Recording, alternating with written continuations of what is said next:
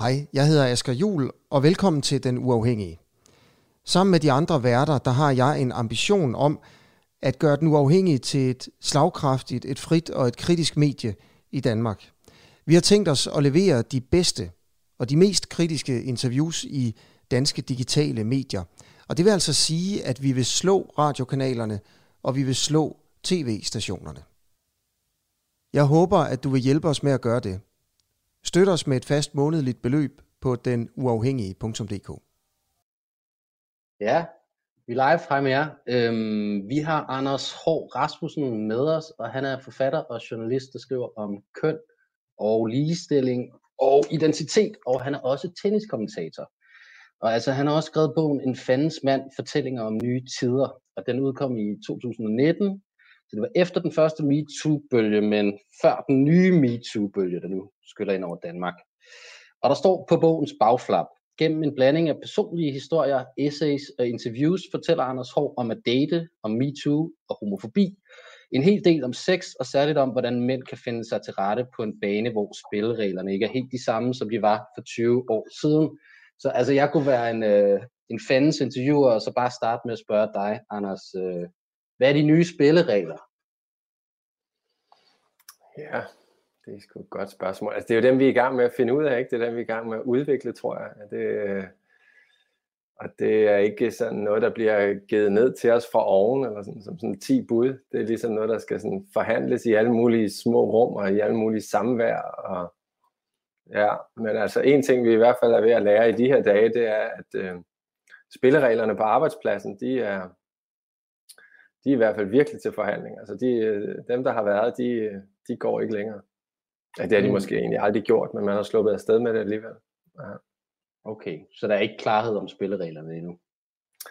Jeg ved ikke, altså sådan, øh, jeg, jeg har dem ikke i hvert fald, men jeg sidder sådan, jeg tænker selv sådan, at øh, sådan respekt og øh, sådan det der, sådan lidt øh, en gefyl, gefyl måske er det det, altså at, øh, at noget af det, som mm, noget af det, jeg kan høre, når jeg snakker med sådan veninder og venner og kolleger og sådan, det er, at, øh, at den der, den der med sådan bare at køre på og køre på, øh, indtil man nærmest sådan bliver skubbet væk, altså den, øh, den går i hvert fald ikke. Altså at det er mere sådan, hvis vi snakker om fløt eller sådan, så er det måske mere gavnligt at se det som sådan en eller anden form for dans, eller sådan, som, øh, hvor man hele tiden er nødt til at være opmærksom på den andens bevægelser og tegn og blikke og ja. I tangoen, der dør den ene jo til sidst, så det, eller, ja, er det ikke. Okay, men, men det, så siger vi, det, er meget, det meget spændende. det, er men det er meget spændende der, fordi du, du interviewer i din bog øh, Michael Kemmel, en, en øh, professor i kønsstudier. Og det er så lidt uheldigt, at han har fået en MeToo-sag på nakken efterfølgende, men, men, men han siger nu nogle spændende ting øhm, som er relevant i forhold til alt det, vi ser med MeToo nu i Danmark. Altså, han siger, at i hans ungdoms omklædningsrum, der lød den almene visdom om kortisering af damer. Hvis hun siger nej, så klip på lidt endnu. Grundlæggende var budskabet, giv ikke op, før hun slår dig. Og derfor siger han, vi mænd er nødt til at ændre vores forestillinger om verden. Det er en stor forandring. Selvfølgelig sker det ikke på et øjeblik, at tavlen bliver visket rent og fyldt med noget nyt. Altså, du er yngre end denne her professor, men er det en kultur, som du ligesom kan genkende fra, fra dit liv? Ja, Ja, måske ikke sådan ikke at køre på indtil at, at hun slår, men øh, jeg kan godt genkende det der med, at øh, altså for eksempel så er jeg både selv og flere jeg kender ligesom blevet, har fået at vide af sådan øh, kvinder, at øh, du er lidt for flink, eller sådan, ikke? Altså du er lidt for, øh, ja, altså og jeg har forstået det som sådan, øh, at at hvis der skal ske noget, eller sådan, så er man også nødt til sådan at vise lidt kant, altså tage nogle chancer, lige overskride nogle grænser, prøve lidt ting af, og ikke sådan hele tiden øh, ja, bare stå øh, og, og vente på at få lov, eller sådan. Altså, øh, jeg kan også huske en tv-serie, jeg så, hvad var det, New Girl, tror jeg den hedder, hvor en af hovedpersonerne siger sådan et eller andet med, åh, jeg hader bare, når fyre spørger, om de gerne må kysse mig, eller sådan. Altså, så det er, jo, det er jo sådan nogle normer eller omgangsformer, som, som har været der, eller sådan, ikke? som har været de uskrevne regler for, hvordan sådan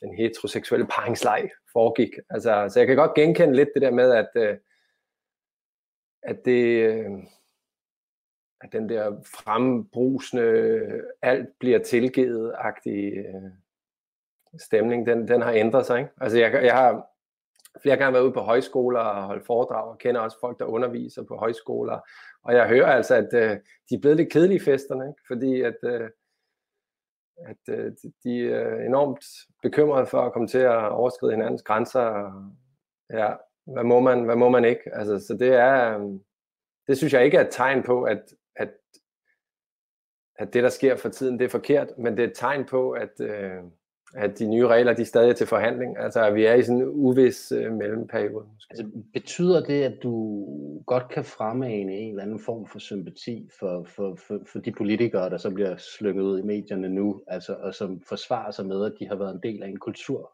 Er der, kan du godt forstå dem?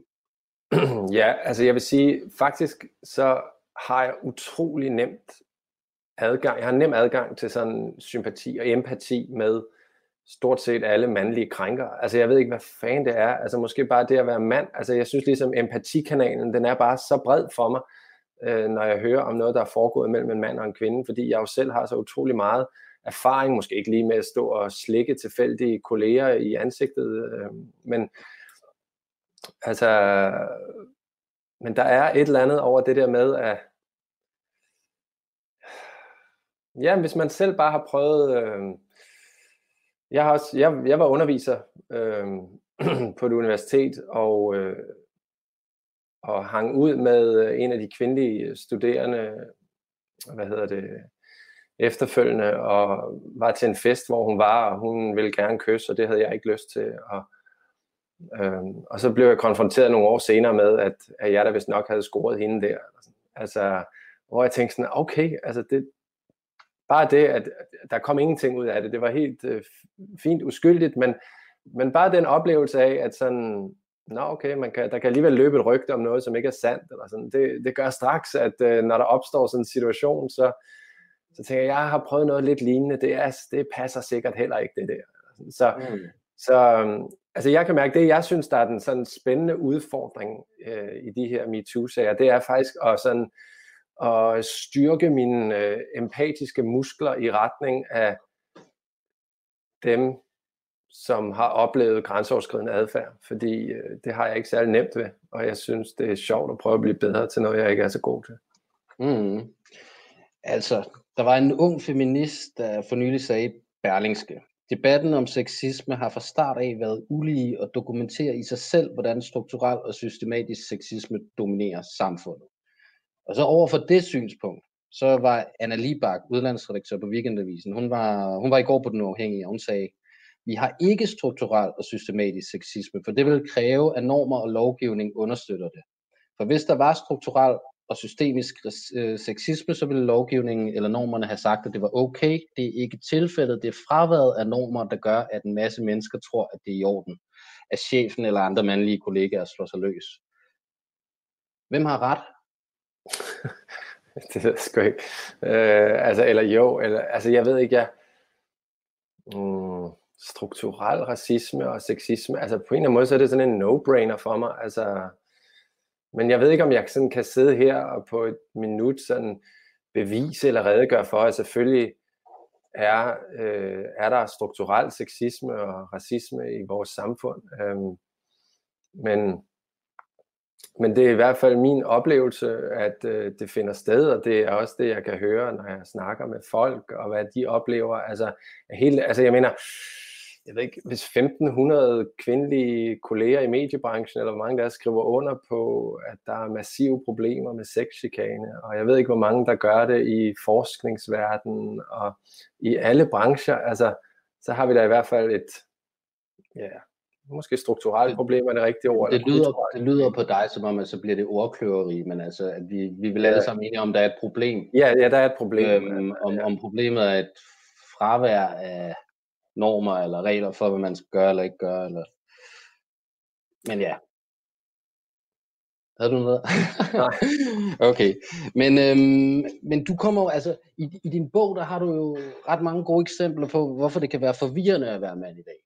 Altså mm. den der manderolle, som du snakker om, er til forhandling.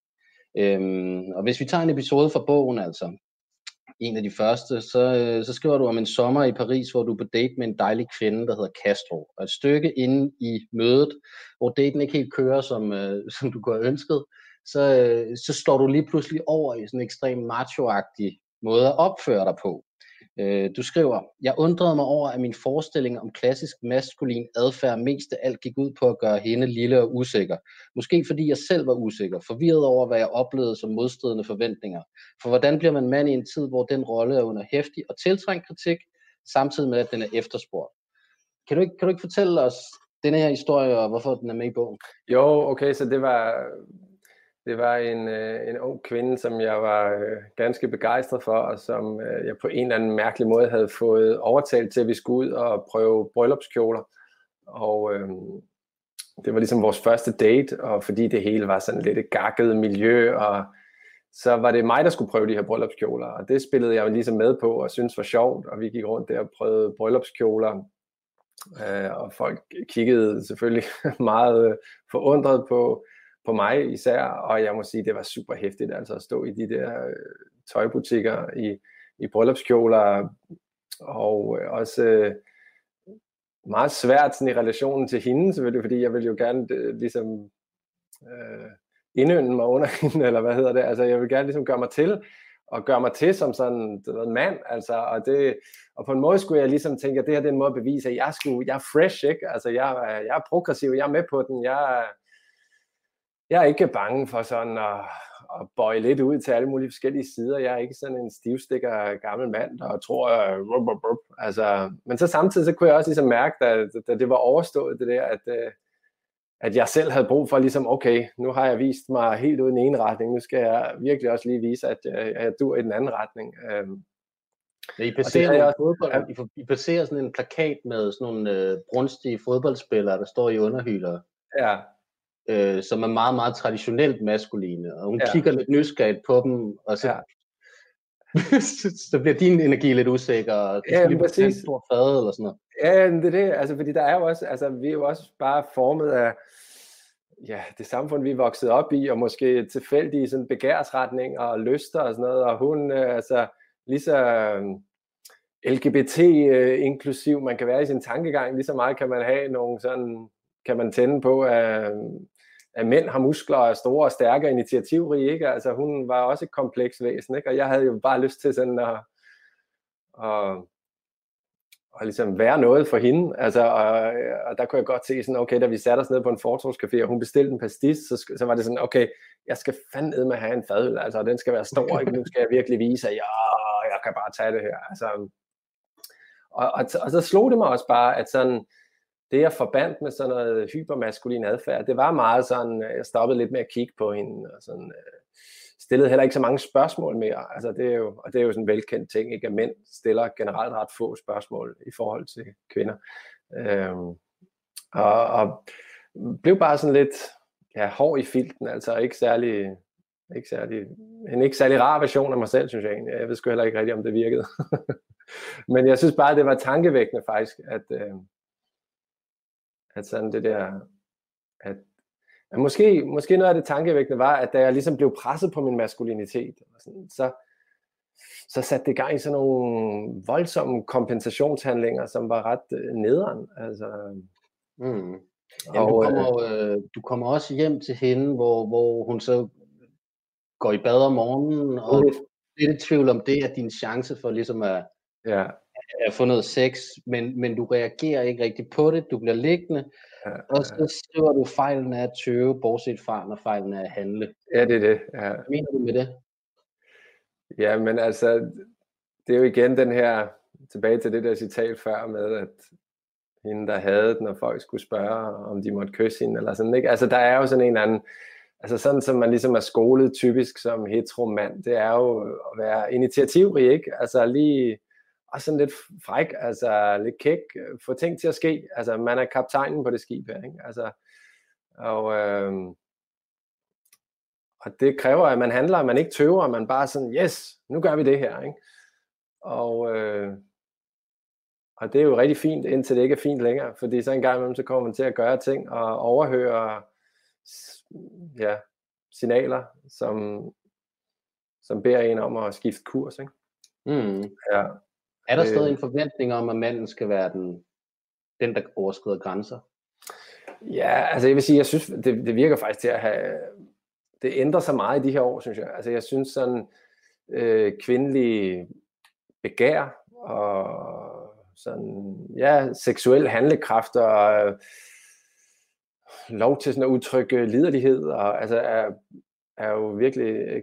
Vi går og hører wet ass pussy alle sammen for tiden, ikke? Altså, der bare når man ser på sådan populærkulturen, det er blevet meget mere legitimt på en eller anden måde, og det, ja, det viser sig også, synes jeg, sådan i de, i de en-til-en-agtige rum, så, så det synes jeg er virkelig skønt, hvis der sådan kommer lidt mere handlefrihed. Altså fordi det træls, det træls er jo det der med, hvis, når kønnet det ligesom sådan holder en fast i sådan nogle snævre, snævre rammer, altså som gør, at man ikke kan sådan være sig selv, altså at man ikke kan være alle mulige øh, skønne ting, altså hvad man har lyst til, øh, men at man ligesom skal sådan leve op til et eller andet ja, snævert. Altså det er i hvert fald min frustration. Det jeg så tror faktisk, som gør, at mange, måske især mænd, og også nogle kvinder, de er øh, meget bekymrede for tiden, meget øh, vrede og bange. Det er fordi, at øh, nogle af altså de her sådan, rammer, eller de her normer for, hvordan man opfører sig som mand og som kvinde, altså at de, hvis de pludselig bliver kastet op i luften og til forhandling, så bliver folk jo i tvivl. Hvad må jeg? Hvad, hvad er i orden? Hvad må jeg gøre? Altså det, det gør sig også gældende på arbejdspladsen. Ikke? Jeg sad og snakkede med en kollega her forleden, og sagde, at jeg aner jo ikke, man må ikke engang, man må ikke engang sige til en kollega, du ved, sikke en flot bluse, du har på. Mm. Hvor jeg sagde sådan, jo, det tror jeg sgu egentlig godt, du må. Eller sådan. Ja, okay, men man må ikke sige sådan, de sidder virkelig godt på dig, de bukser der. Nej, det går, det går, hvad du skulle. det går, hvad du Okay, skulle så, prøver, så, prøver vi lige, så prøver vi lige nogle hurtige spørgsmål. Altså, Ja, lad det komme du kan gøre Ja. os klogere på, hvad, hvad, hvad, hvad der er rigtigt og forkert her. Ja, Øhm, to mænd går ned ad gaden. De ser en lækker pige i en lille top. Hun har hotpants på. Nu visker den ene mand til den anden. Hold kæft, hun er lækker. Er det okay? Ja, det er da totalt okay, synes jeg. Ja. Altså, Okay. Der kan være sådan en, for mig kan der, kan der være sådan i situationen, du ved, hmm, ej, jeg ved ikke, okay, jeg vil, jeg vil prøve at tage den anden sted hen. Øhm, jeg synes jo, jeg, jeg føler mig jo virkelig sådan socialiseret til at, at se især unge, slanke kvinder som, som sexsymboler, der findes for mit øjes skyld. Eller sådan, ikke? Det føler jeg virkelig sådan, jeg er vokset op med Embladet og alle, alle de populære kulturelle medier, der, der har været sådan. Ikke? Så for mig kan det godt være sådan en øvelse, ligesom at, at prøve at, at aflære det blik. Altså ikke fordi, altså det kan være fint nok at have, men det kan være frustrerende ikke at kunne give slip på det. Altså det kan være, altså for eksempel, lad mig give et eksempel. Øh, hvis jeg skal ind og komme til ud på Eurosport, så nogle gange så baggrundsskærmene derude på computeren, der kan godt være sådan et eller andet close-up af sådan nogle kvindelige volleyballspillers altså numser, eller andre seksualiserede billeder af kvinder. Og øh, det kan jeg jo for så vidt godt lide at kigge på, men faktisk, hvis jeg skal ind og kommentere noget dametennis, så er det ret træls at have primet mit blik på kvindekroppen på den måde der, fordi jeg skal ind og holde øje med slagteknik og strategiske beslutninger, og om bolden er inde eller ude, eller spillemønstre og sådan noget.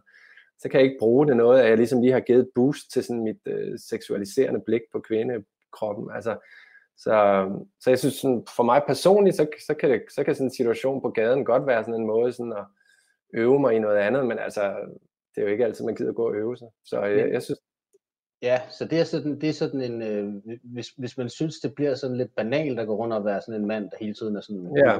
øh, hvor hun ligger. Hvis, hvis man gerne vil være noget mere, så kan man ligesom måske træne sig selv i lidt mindre at have det der blik, men, men sådan et Mhm. spørgsmål, der kunne kæde det her øh, sammen med den der debat, vi har i dag.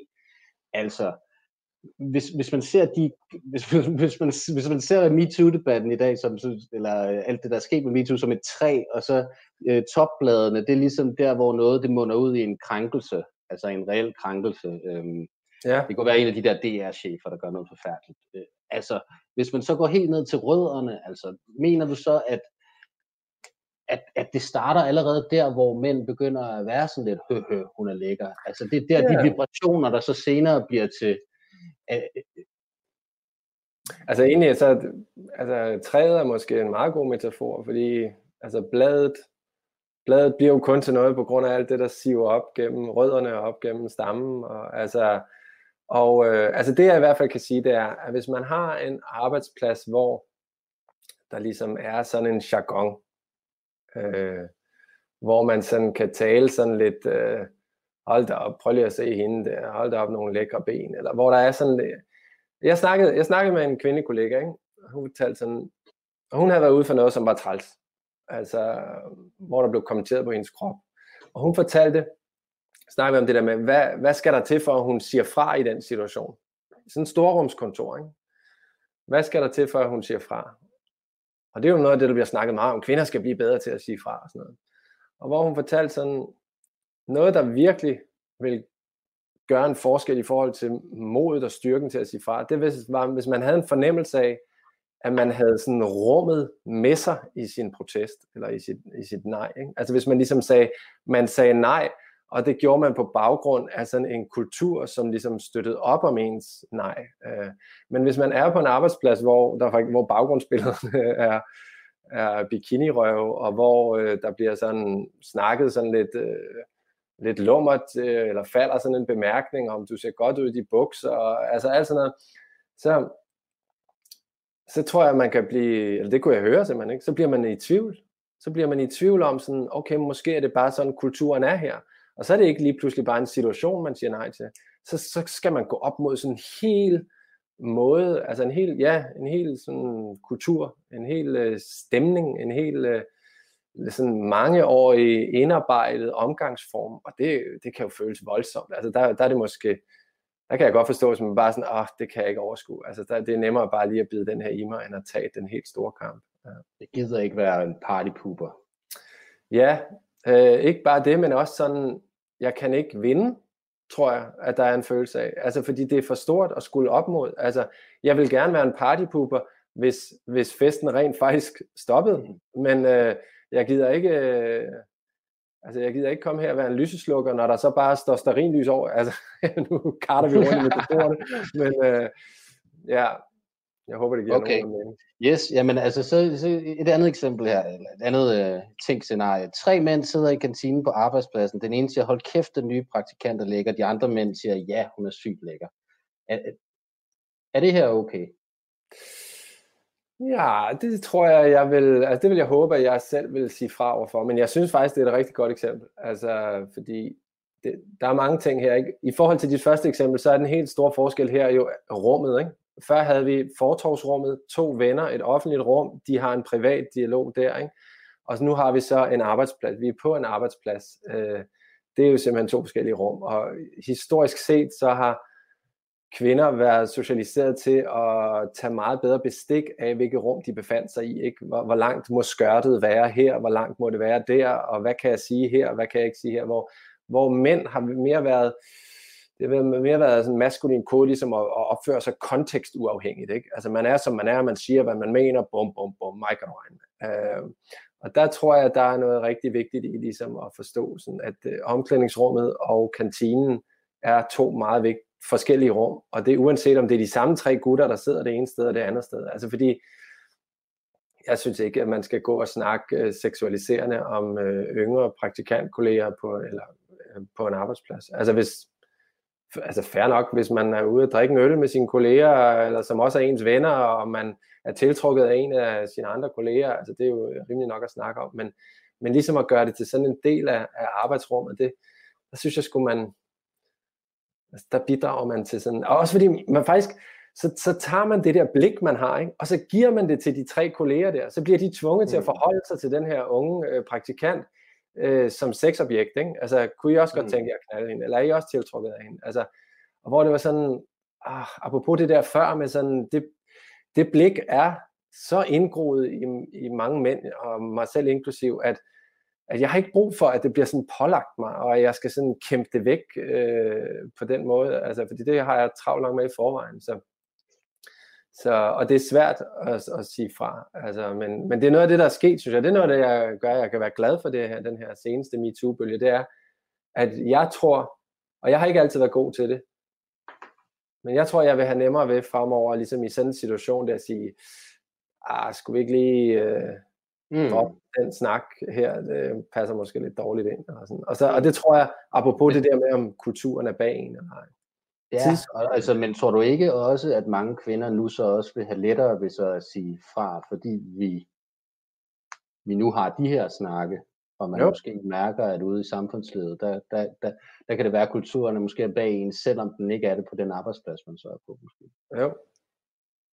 Jo, jeg tror, det, og det er nok i forskellige brancher. Ikke? Altså, jeg tror, nu mediebranchen, det er ressourcestærke folk med ordet i deres magt, og der sker en hel masse nu, altså, men det her, det finder jo også sted i, altså, meget mere mandsdominerede brancher, serviceindustrien, restaurationsbranchen, øh, der var den der frygtelige sag med, fra Coops øh, lager, blandt lagermedarbejdere der, altså det er også, ja, altså det er jo, det, det synes jeg virkelig, at det gør kæmpe indtryk på mig, var udbredt. Mm. Ja. Ja. Altså så en, øh, et tredje tænkt eksempel her, den er mm. måske mere åbenlys. En mandlig chef går ned ad gangen, passerer en underordnet tiltrækkende kvinde. Han klapper hende blidt på skulderen og siger, hvor ser du godt ud i dag? Er det okay? Ja. Uh, ja, altså, det var meget sjovt. Jeg havde en kollega, altså en kvindelig kollega, som er i mediebranchen. Og hun er nogle gange på skærmen, så hun får sådan sat sit hår. Og hun havde en rigtig god hårdag. Og så fortalte hun sådan, at hun havde tænkt over, hvem har jeg, hvem, er, hvem, hvem kan jeg godt lide at høre fra, at det sidder bare skide godt dit hår, eller du ser godt ud i dag. Fordi det var fint nok, at nogen sagde det, og hun kunne mærke sådan, jeg har det mere afslappet med, at mine kvindelige kolleger siger det, end mine mandlige kolleger siger det. Men helt så enkelt er det ikke, fordi der er også nogle mænd, som jeg har det mere afslappet med end andre. Og for eksempel så dem, jeg har det mest afslappet med, det er dem, jeg arbejder tættest sammen med. Fordi der hviler jeg i en eller anden vidsthed om, at de respekterer mig fagligt. Der er så meget faglighed i vores øh, relation.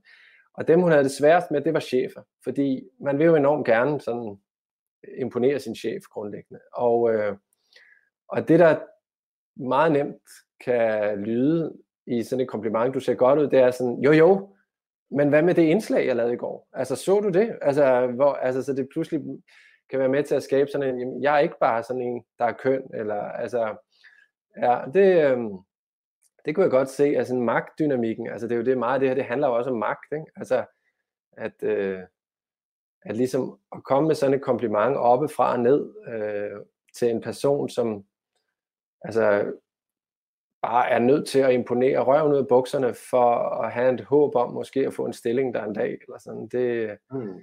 det, det, det er nok... Men, men det er nok handler det altid om magt? Handler det ikke nogle gange om, at man, man går rundt og er lidt liderlig på gangen, og ikke burde være det, eller sådan? Jo. Ja.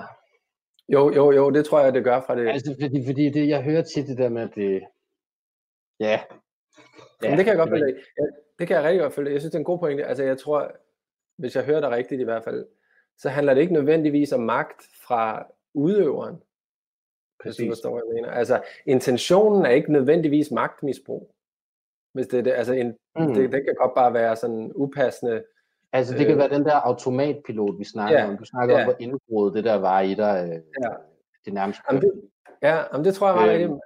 Og det, og det, det er meget så, sådan... Øh, og nu er der, kan det være sådan en snak om, at alle mænd er krænker. Det kan også godt være, at de bare lige skulle blive lidt vågne op og blive, tage en pille i Matrix, så, ja. og så lige lære, hvad der er rigtigt og forkert. Ja, altså det jeg, det jeg får lyst til at sige er, at selvom at der ikke ligger sådan en bevidst magtudøvelse bag en sådan sexistisk kommentar, så kan den jo godt indgå i et, en magtdynamik alligevel, hvis du forstår, hvad jeg mener. Altså, det er ikke, det er ikke altid det mest relevante, hvad øh, intentionen bag ved handlingen var. Altså det er ikke fordi det er helt irrelevant, men det er ikke altid det vigtigste i hvert fald. Hmm.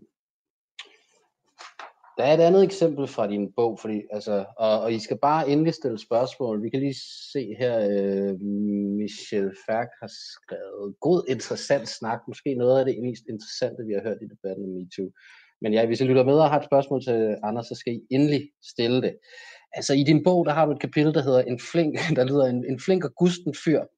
Altså, og det handler om noget, der er lidt omtåligt at snakke om, men som, som nogle mænd, der har været fulde eller lidt for meget i byen, måske nok godt kan kende, altså selvom de ikke oplever sig selv som krænkere. Altså, det handler om det der med at presse på. Øhm, og du er på date øh, med en pige i New York, og det er gået godt, og jeg snadet, og hun hælder til, at hun gerne vil hjem af, men det er lidt besværligt at tage en bus, og nu er det blevet sent, og du vil gerne have, at der sker noget mere, og så skriver du, jeg tog hende i hånden og drejede ned af Callier Street, og hun gik med, men vidste ikke helt. I don't know, jeg tror det er bedst at tage hjem, sagde hun. Pjat med dig, sagde jeg. Og hun grinede, som om hun var lidt smiret af min insisteren. Og hun lod også til synes om det, da jeg hjemme på madrassen tog blusen af hende og kyssede hendes bryster. Men efterfølgende har jeg det lidt mærkeligt med mindet om at have trukket hende ned ad gaden, så den virkelig trukket hende afsted.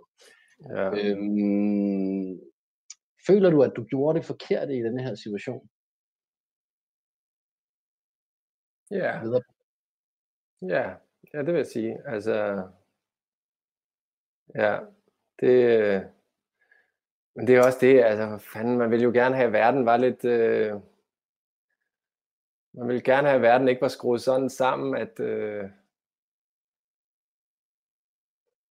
ja, altså det er jo fordi, det er jo fordi, at jeg også er opvokset lidt med, at, øh, at piger og kvinder, de, de skal passe lidt på med at udtrykke deres lyst. Ikke? Så jeg er lidt vokset op med, at, øh, at øh, det er min opgave at få en kvinde øh, med i seng, uden at hun behøver at sige, jeg har helt vildt meget lyst til at knalde med dig. Altså, fordi så kan hun blive sådan lidt uh, ubevidst slutshamed, eller hvad ved jeg. Altså, så derfor så gælder det om at finde sådan lidt, uh, finde eufemismer eller måder sådan at, ah, vi tager bare en enkelt øl, og så pludselig er man derhjemme alligevel, og sådan, altså, og det var nok også det, der sådan lidt gjorde sig gældende i det der scenarie der, altså, eller ligesom du siger med Kimmel, ikke? man kører på ind til, altså selvfølgelig hvis hun havde sagt, stop, jeg gider ikke, så havde jeg jo selvfølgelig sagt, okay, okay, det skal du selvfølgelig heller ikke.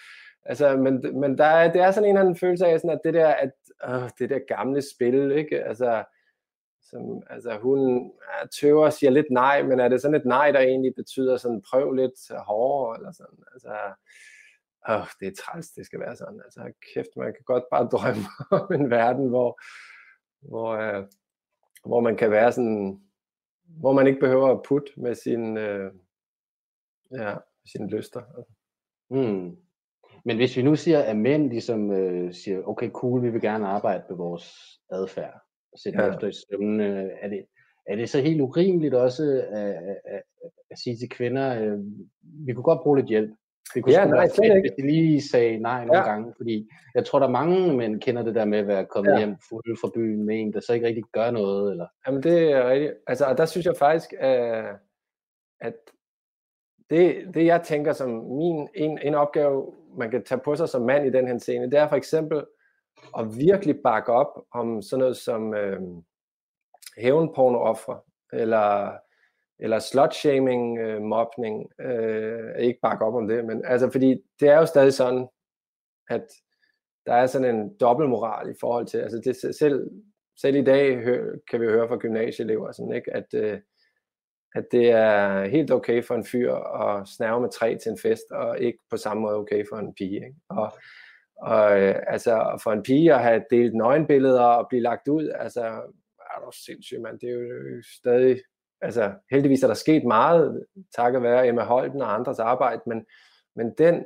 udskamning, der finder sted over, at de er du ved, begærende væsener med seksuel lyst, og som de udlever og ikke øh, skammer sig over, altså det er jo simpelthen som at skyde sig selv i foden som mand. Altså, fordi det man jo i virkeligheden siger, det er, du skal bare pakke din begær væk, du, fordi ellers så skal jeg love for, så kommer lud og politiet efter dig. Altså, mm. så, det, så jeg, jeg synes, du har ret. Altså, det, det modsatte af, hvis vi skal tænke over sådan, vores pushen, så, så synes jeg, at det kunne være fedt, øh, at man som kvinde øvede sig i sådan at udtrykke sin, sit lyst og sit ja. Altså, og, men, men jeg er ikke kvinde, så det er ikke noget, jeg kan gøre, men jeg kan, jeg kan være med til at facilitere sådan, øh,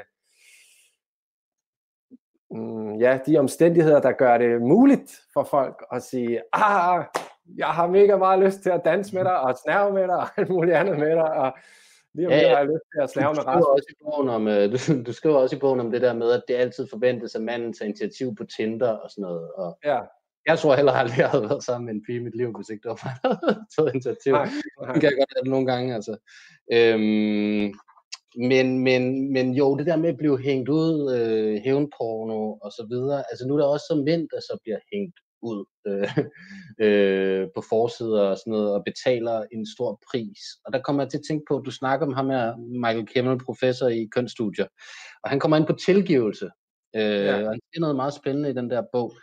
Øh, du er lidt i tvivl om, hvordan du skal, hvordan du skal gebære dig i livet, og så siger han, tilstå din uvidenhed. Det er her, jeg har det største problem mod feministisk praksis.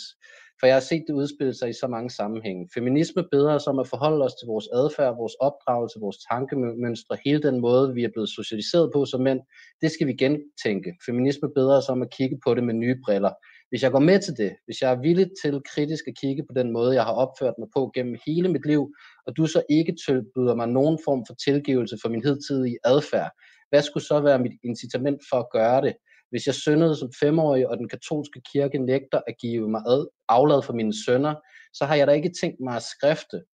I det omfang feminisme som enhver anden ideologi eller religion beder os om at tage vores fortid op til genovervejelse, er den nødt til at tilbyde os en følelse af stadig at være en del af det, stadig at have adgang til det menneskelige fællesskab. Det nytter ikke noget at blive udstødt. Mm. Altså,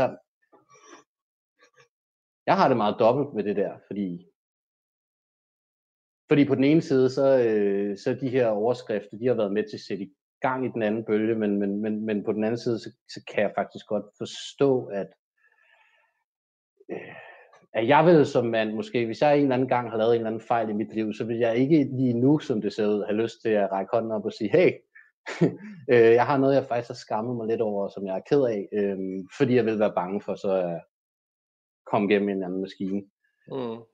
og blive makuleret. Ja, altså, jeg, på en måde så, altså noget af det, vi har så snakket om her i den her snak her, og nogle af de ting, jeg har skrevet om i min bog, er jo for så vidt mig, der siger sådan, hey, jeg, jeg har jo ført mig sådan lidt, lidt nederen nogle gange, eller, altså, og det har jeg egentlig, det har jeg, op, det har jeg ikke oplevet som noget, der var meget frygteligt, eller som noget, der var blev mødt med en utilgivelighed. Eller sådan. Øhm, jeg ved heller ikke sådan, jeg ved ikke helt, hvilke eksempler, har vi nogle eksempler på, hmm, har vi nogle eksempler på sådan folk, der har stået frem, ligesom Michael Kimmel siger, og så ligesom og så bare bliver slagtet og mødt af utilgivelighed. Altså jeg kan godt se, at den findes jo, den der cancel-kultur, især måske i USA. Ja. Men, øhm, men altså egentlig så synes jeg, at flere af de sager, der har været fremme her i Danmark på det seneste, har været sådan nogle, okay, hvad er det absolut minimale, jeg kan slippe afsted med at indrømme her, og så samtidig beholde min position. Og så indrømmer man det måske ikke. Og, og så viser det sig, at det ikke var helt nok. Så må man indrømme lidt mere. Og sådan. Altså, at det virker egentlig ikke som om, man rigtig er interesseret i at rensage sig selv øh, og sine handlinger og sin fortid, men mere som om sådan, man prøver at afkode sådan, øh, situationen og finde ud af, hvad kan, hvordan kan jeg fastholde min position og min magt. Mm. Øh, Men altså, jeg tror da også, at så er der mange af de mænd, der er rystet, fordi de lige pludselig har mistet alt det, de har bygget op gennem hele deres liv. Øh, ja, det er også totalt øh, reelt. Ja, mm.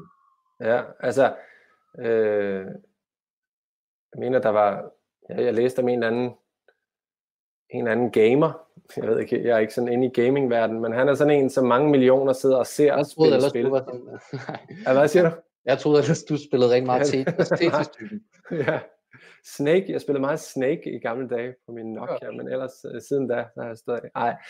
Uh, nej, men altså folk, som ja, kommer til at sige et eller andet, som bliver opfattet transfobisk, eller altså... Uh, og så kan der opstå sådan en, et virvar med det. Jeg synes meget, det, ja, det sker selvfølgelig meget i de sociale medier, og sådan, men altså jeg vil sige sådan, altså personligt så har jeg egentlig jeg kan godt se, jeg, jeg har prøvet sådan, jeg har prøvet at sidde i sådan nogle samtaler, så jeg husker, jeg sad og snakkede med nogle veninder, der fortalte om, hvordan det var at løbe, og hvor tit, når de var ude at løbetræne, hvor tit de lige fik et lille pift eller en lille kommentar. Og at det selvfølgelig var træls. Og så, øh, så prøvede jeg at sige sådan, så prøvede jeg at bidrage med sådan en, øh, jeg kan faktisk godt genkende, når der kommer en ung kvinde løbende, at det er utrolig svært, ikke sådan, åh, oh, se, der kommer en veltrænet, langbenet, smuk øh, kvinde, og hun er sådan til udstillingen for mig, kan det føles som om, eller sådan, jeg, jeg føler helt sådan, at mit blik sådan nærmest er simpelthen øh,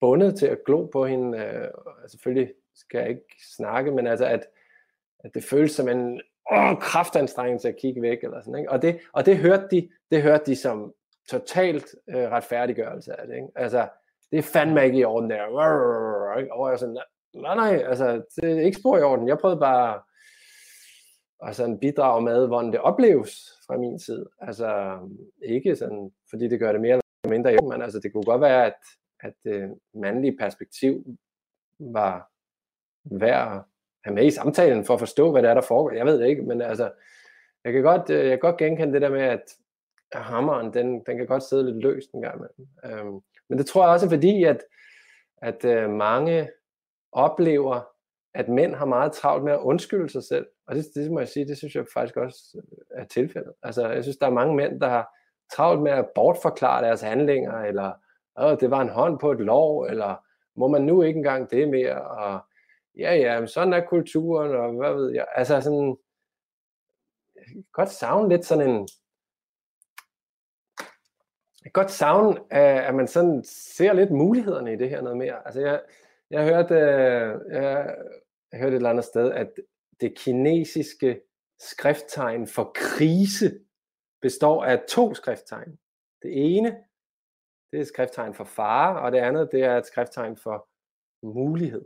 Ikke? Så hvis man ligesom siger, at en krise den består af fare og muligheder, øh, så synes jeg, der er overvejende mange, som kun ser farene i den her krise for maskuliniteten, øh, og ikke alle de muligheder, der er. Altså, heldigvis synes jeg, der er flere og flere, der ser mulighederne. Altså, mm. Jeg synes, det... Nu så jeg lige... At, er det, ja, hvad? Er det umuligt, at, at øhm, er det umuligt, at øh, hende, der løber, hvis, hvis hun havde nogle gamasher på, så man kunne se G-streng igennem, og en lille bitte BH, så altså, der kan jo også være et tilfælde, hvor det lige præcis er det, som kvinden går efter at få den opmærksomhed. Altså det er ikke, øh, jeg ved, jeg ved ikke, hvad man skal gøre som mand, men, men, men, men, men øhm, og jeg taler ikke om i arbejdshensene og sådan noget, men, men man skal heller ikke kigge særlig lang tid på Instagram for at finde mange profiler, hvor, Nej hvor man ligesom søger anerkendelse eller likes ved at vise sig frem i meget let tøj. Ja. Øhm, altså, så det der med, kan man, kan, man, øh, mm. kan man være seksuel uden at blive seksualiseret? Ja, altså... Øh... Eller er det et urimeligt krav at stille til mænd?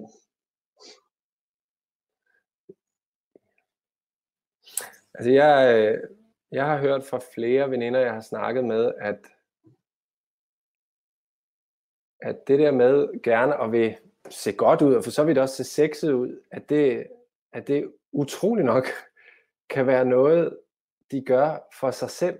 Jeg ved ikke, altså øh, jeg har også haft lidt svært ved til at begynde med helt at, altså det, det er også fordi, man er så skolet i at tænke, at kvinder er til for det maskuline blik, eller for mandens blik, at det er svært at forestille sig, hvordan en, øh, en stram nederdel og nedringet trøje ikke skulle være, fordi hun har lyst til, at jeg skal glo og blive liderlig og have lyst til hende. Altså, men, men jeg må bare konstatere, at det er altså ikke altid tilfældet, faktisk. Og øh, ja, og, og jeg tror, altså selv personligt, så er det sådan, så synes jeg, at øh, ja, jeg synes, det er dejligt at kigge på flotte damer. Altså det kan jeg godt lide. Øh, men jeg synes, det er irriterende ikke at kunne lade være. Øh, mm. Så for mig er det sådan en øvelse med sådan og ja, og udvide mit, øh, mit handlerum. Ikke? Ligesom det, det, jeg synes, det er skønt at kunne være ironisk, og jeg synes, det er virkelig irriterende, når folk ikke kan være andet end ironiske. Eller sådan, altså alle, alle ting kan, kan ligesom blive svære, hvis de bliver sådan compulsive, eller hvad hedder det, tvangsagtige. Og, øh, og jeg synes, det der ja, sådan lidt seksualiserende blik på kvinder, det, det, det, det føles som sådan desværre lidt en tvangstanke, som kræver meget arbejde at lægge fra sig. Mm.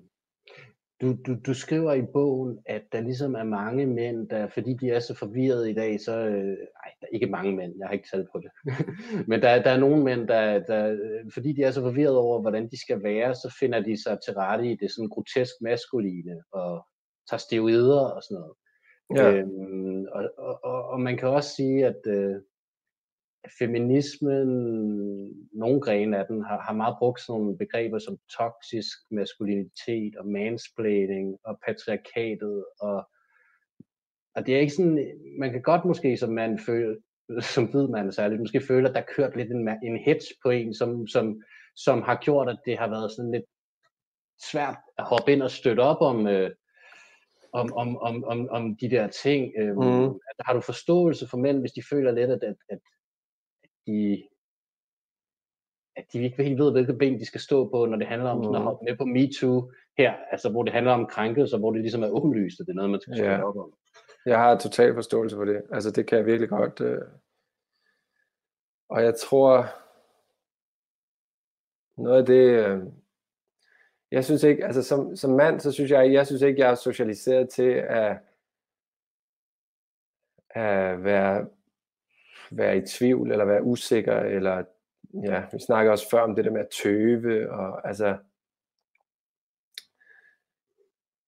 jeg, jeg læste også en sociolingvistisk forklaring på de forskellige måder, mænd og kvinder, sådan lidt groft sagt, går til samtaler på, og når mænd taler, så er det typisk for at positionere sig i fællesskabet, ikke?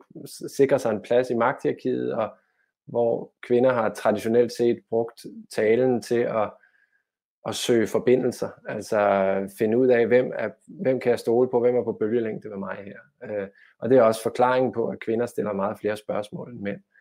Øh, og altså, noget jeg tror mange mænd vil have godt af, og som godt kan være lidt svært, altså, det er at at, at øve sig i ligesom at blive den der uvidshed, eller den der tvivl, som er lige for tiden, altså som er sådan en tvivl om, hvad, hvad er okay, og hvad er der egentlig af kolonialistisk arv, og hvad kan det passe, at jeg kommer til nogle gange? Og videreføre den, eller hvad er sexisme, er det en del af min tankegang, hvad enten jeg ved det, eller hvad mener I egentlig, altså stille nogle spørgsmål egentlig, hvad, forklar det nærmere, jeg forstår det stadigvæk ikke, altså hvad vil det sige, altså prøv at forklare mig det her med barsel igen, altså fordi jeg, eller altså simpelthen stå ved en eller anden form for sådan, I don't know, hjælp mig lidt her, jeg har ikke, øh, jeg har ikke fået det ind, altså nede i fodboldklubben, og hvor jeg ellers er færdig i min opvækst. Altså stå ved den der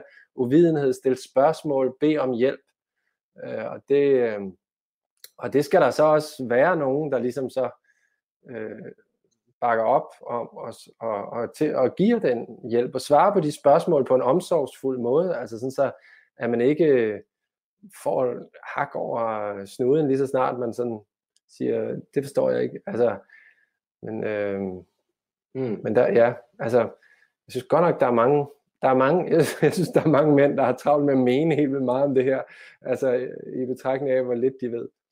Okay, ja.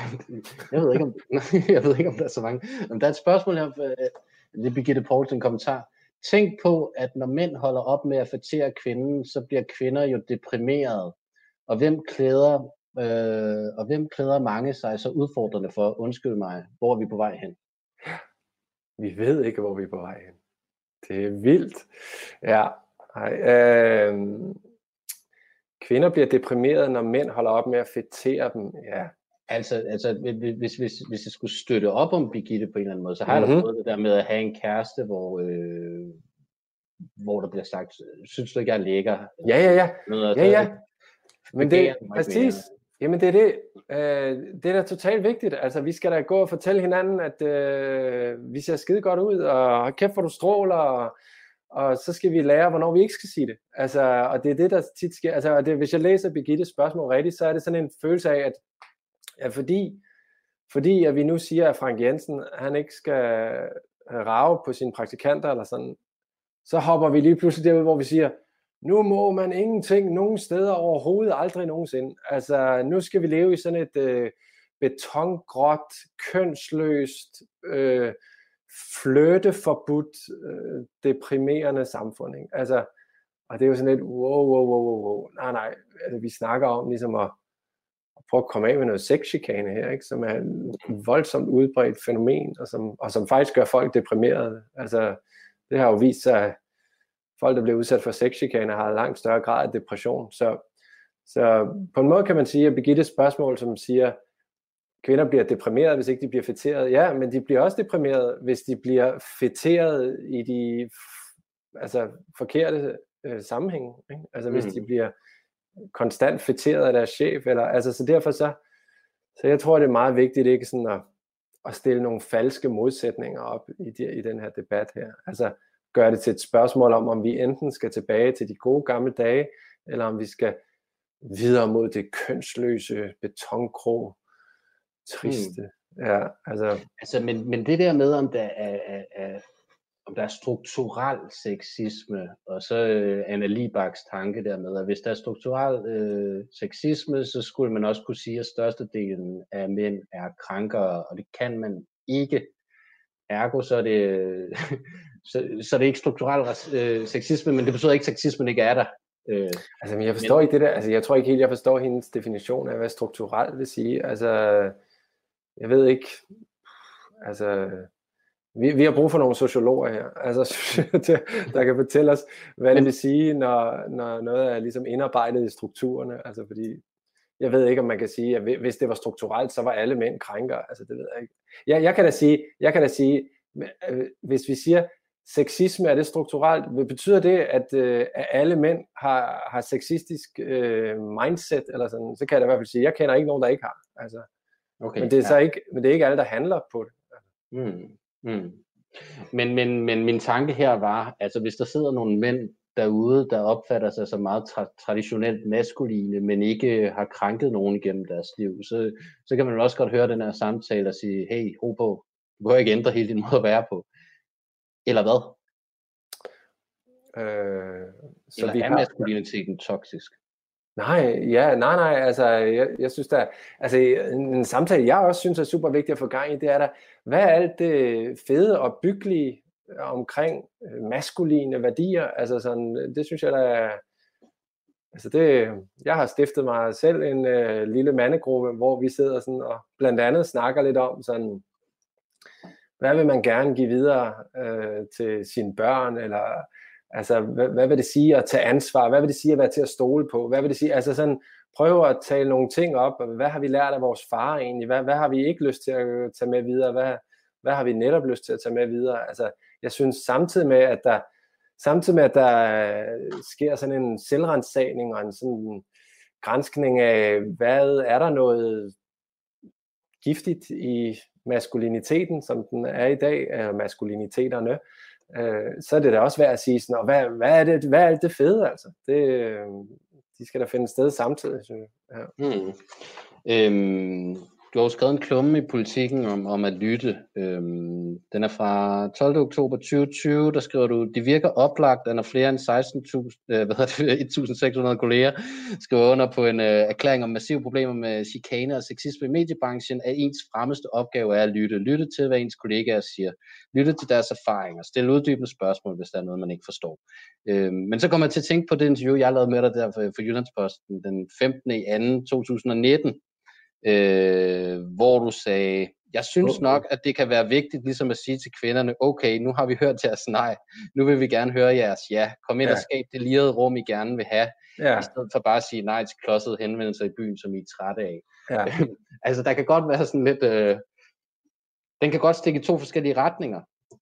Øhm, altså det ene citat, det ligger op til, at vi skal lytte til kvinders historier, og det giver god mening, når man ser på det, der sker nu. Og det andet citat, der ligger du måske mere op til, at vi gerne vil høre nogle visioner for det fremtidige ja. fremliv.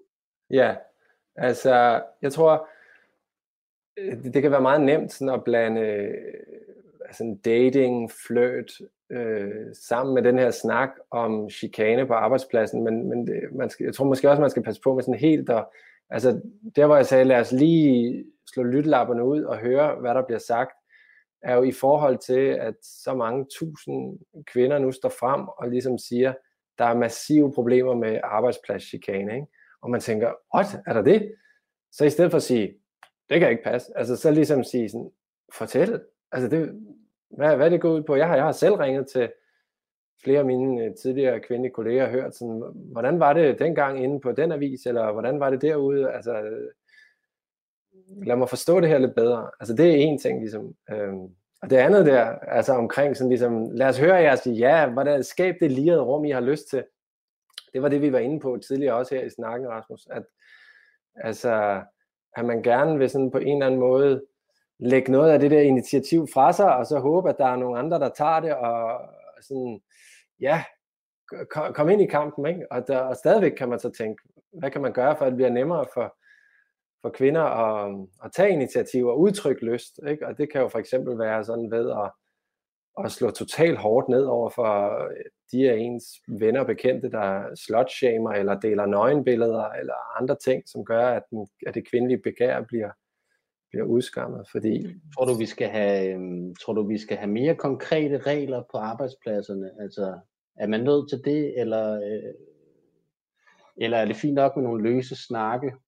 Altså, der er jo undersøgelser, der viser, at 10-20% af, af, af, af folk, de, de møder deres fremtidige partner på arbejdspladsen. Ja.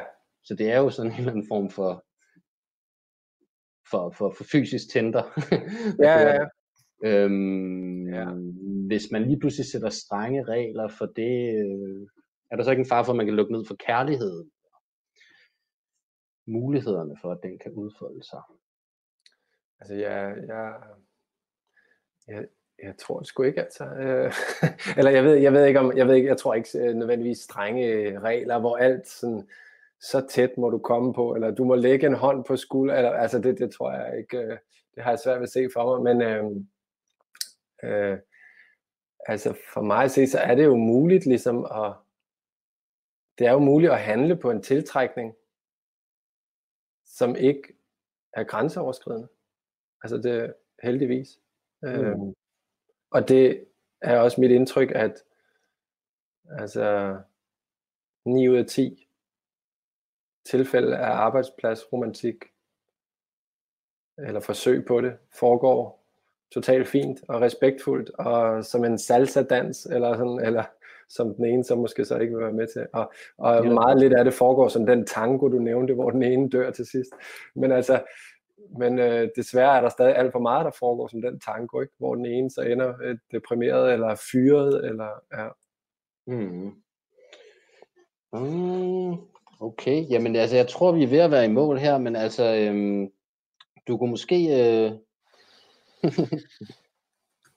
du kunne måske sige altså til sidst, altså hvad, øh, du, du, du, du skriver til sidst i den politikklum, at du ikke føler helt, du gør nok, at du godt kunne gøre mere. Hvad, hvad, hvad vil dit råd være til mænd, der tænker, hvordan kan vi hjælpe til her? Fordi vi vil gerne have en federe verden uden sexisme. Ja, altså, øh, altså man kan gøre sig sådan man kan, en ting er selvfølgelig ligesom at grænske sin egen adfærd, ikke? men man kan også, synes jeg, gøre sig til en bedre allieret. Altså, altså sige fra. Ikke? Jeg, jeg har selv været en del af, af sådan et redaktionsmiljø, hvor, hvor der altså hvor vi gik meget op i, når der kom nye praktikanter, ikke, så blev det omtalt som, så er der nye forsyninger, eller sådan, ikke? Altså, ja, altså bare prøve at prøver lige at stramme sig an. Altså, eller også sådan, nu her, altså, da jeg var på legeplads med min nevø forleden, og så, så kommer han på sin løbecykel, og så kommer der en lille pige på sin løbecykel og kører lige ind i ham. De var lige god om ikke at kigge, tror jeg. Og så siger pigens far, female drivers. Og så griner jeg sådan, ah, ha, ha, ha. Øh, og det er jo altså en lille bagatel, kan man sige, men egentlig så har jeg tænkt, hvad fanden, hvad, hvad fanden kan man gøre for ikke sådan at tøhøge sig igennem sådan nogle små, lidt trælse kommentarer, som altså apropos din træ-metafor der, som er jo noget af det, helt små nede i bunden, men som alligevel sådan forplanter sig videre. Altså måske kunne man godt blive bedre til sådan bare lade, mm. den, lade den falde til jorden, altså fordi meget af sådan noget, meget sådan noget adfærd, det ved jeg også for mig selv, altså meget sådan noget lidt uh, refleks, automat, små sexistisk adfærd, det, er, det, det kører også bare fordi det virker. Altså fordi at man, man får det der lille grin fra sine kolleger, og man føler, man skaber sådan en eller anden sådan lille connection eller et eller andet. Men hvis ligesom ens adfærd bare begynder at falde totalt til jorden, så, så tror jeg, man afstår fra den. Mm. Det kunne være et meget godt udgangspunkt for os at finde nogle andre måder at være hyggelige sammen på, nogle måder, som måske inkluderer lidt flere mennesker, for eksempel. Mm. Og altså, det er jo ikke fordi, man nødvendigvis, jeg nærer mig ikke nogen illusioner om, at når fem piger er i sommerhus sammen, så, så laver de ikke også sjov med, med mænd på en måde, men vi må, man må bare konstatere, at, at, at, at alle de her øh, vidnesbyrd, man hører om, de kommer altså på kvinder nu, øh, i forhold til sexisme i forskellige brancher. Ja, Nå, det gør, men der er jo også forskel på at være i sommerhus, og så være i kantinen på sin arbejdsplads. Ja. Mm. Ja. Altså fordi, fyr den, fyr den løs, fyr, fyr den af med alle, øh, alle ens øh, Øh, fordomme om kvinder, når man er i sommerhus med sine drengevenner, hvis det er det, man har brug for. Altså, så, ja. Fedt at høre fra dig. Øhm, jamen altså, øh, rigtig mange gode kommentarer. Men flest, faktisk flest, der ligesom siger, at de synes, det er en god samtale. Ikke sige så mange spørgsmål, men... Øhm, Nå, ja. jamen, det er da dejligt at høre. Gode samtaler, det trænger vi til, ikke? Ja,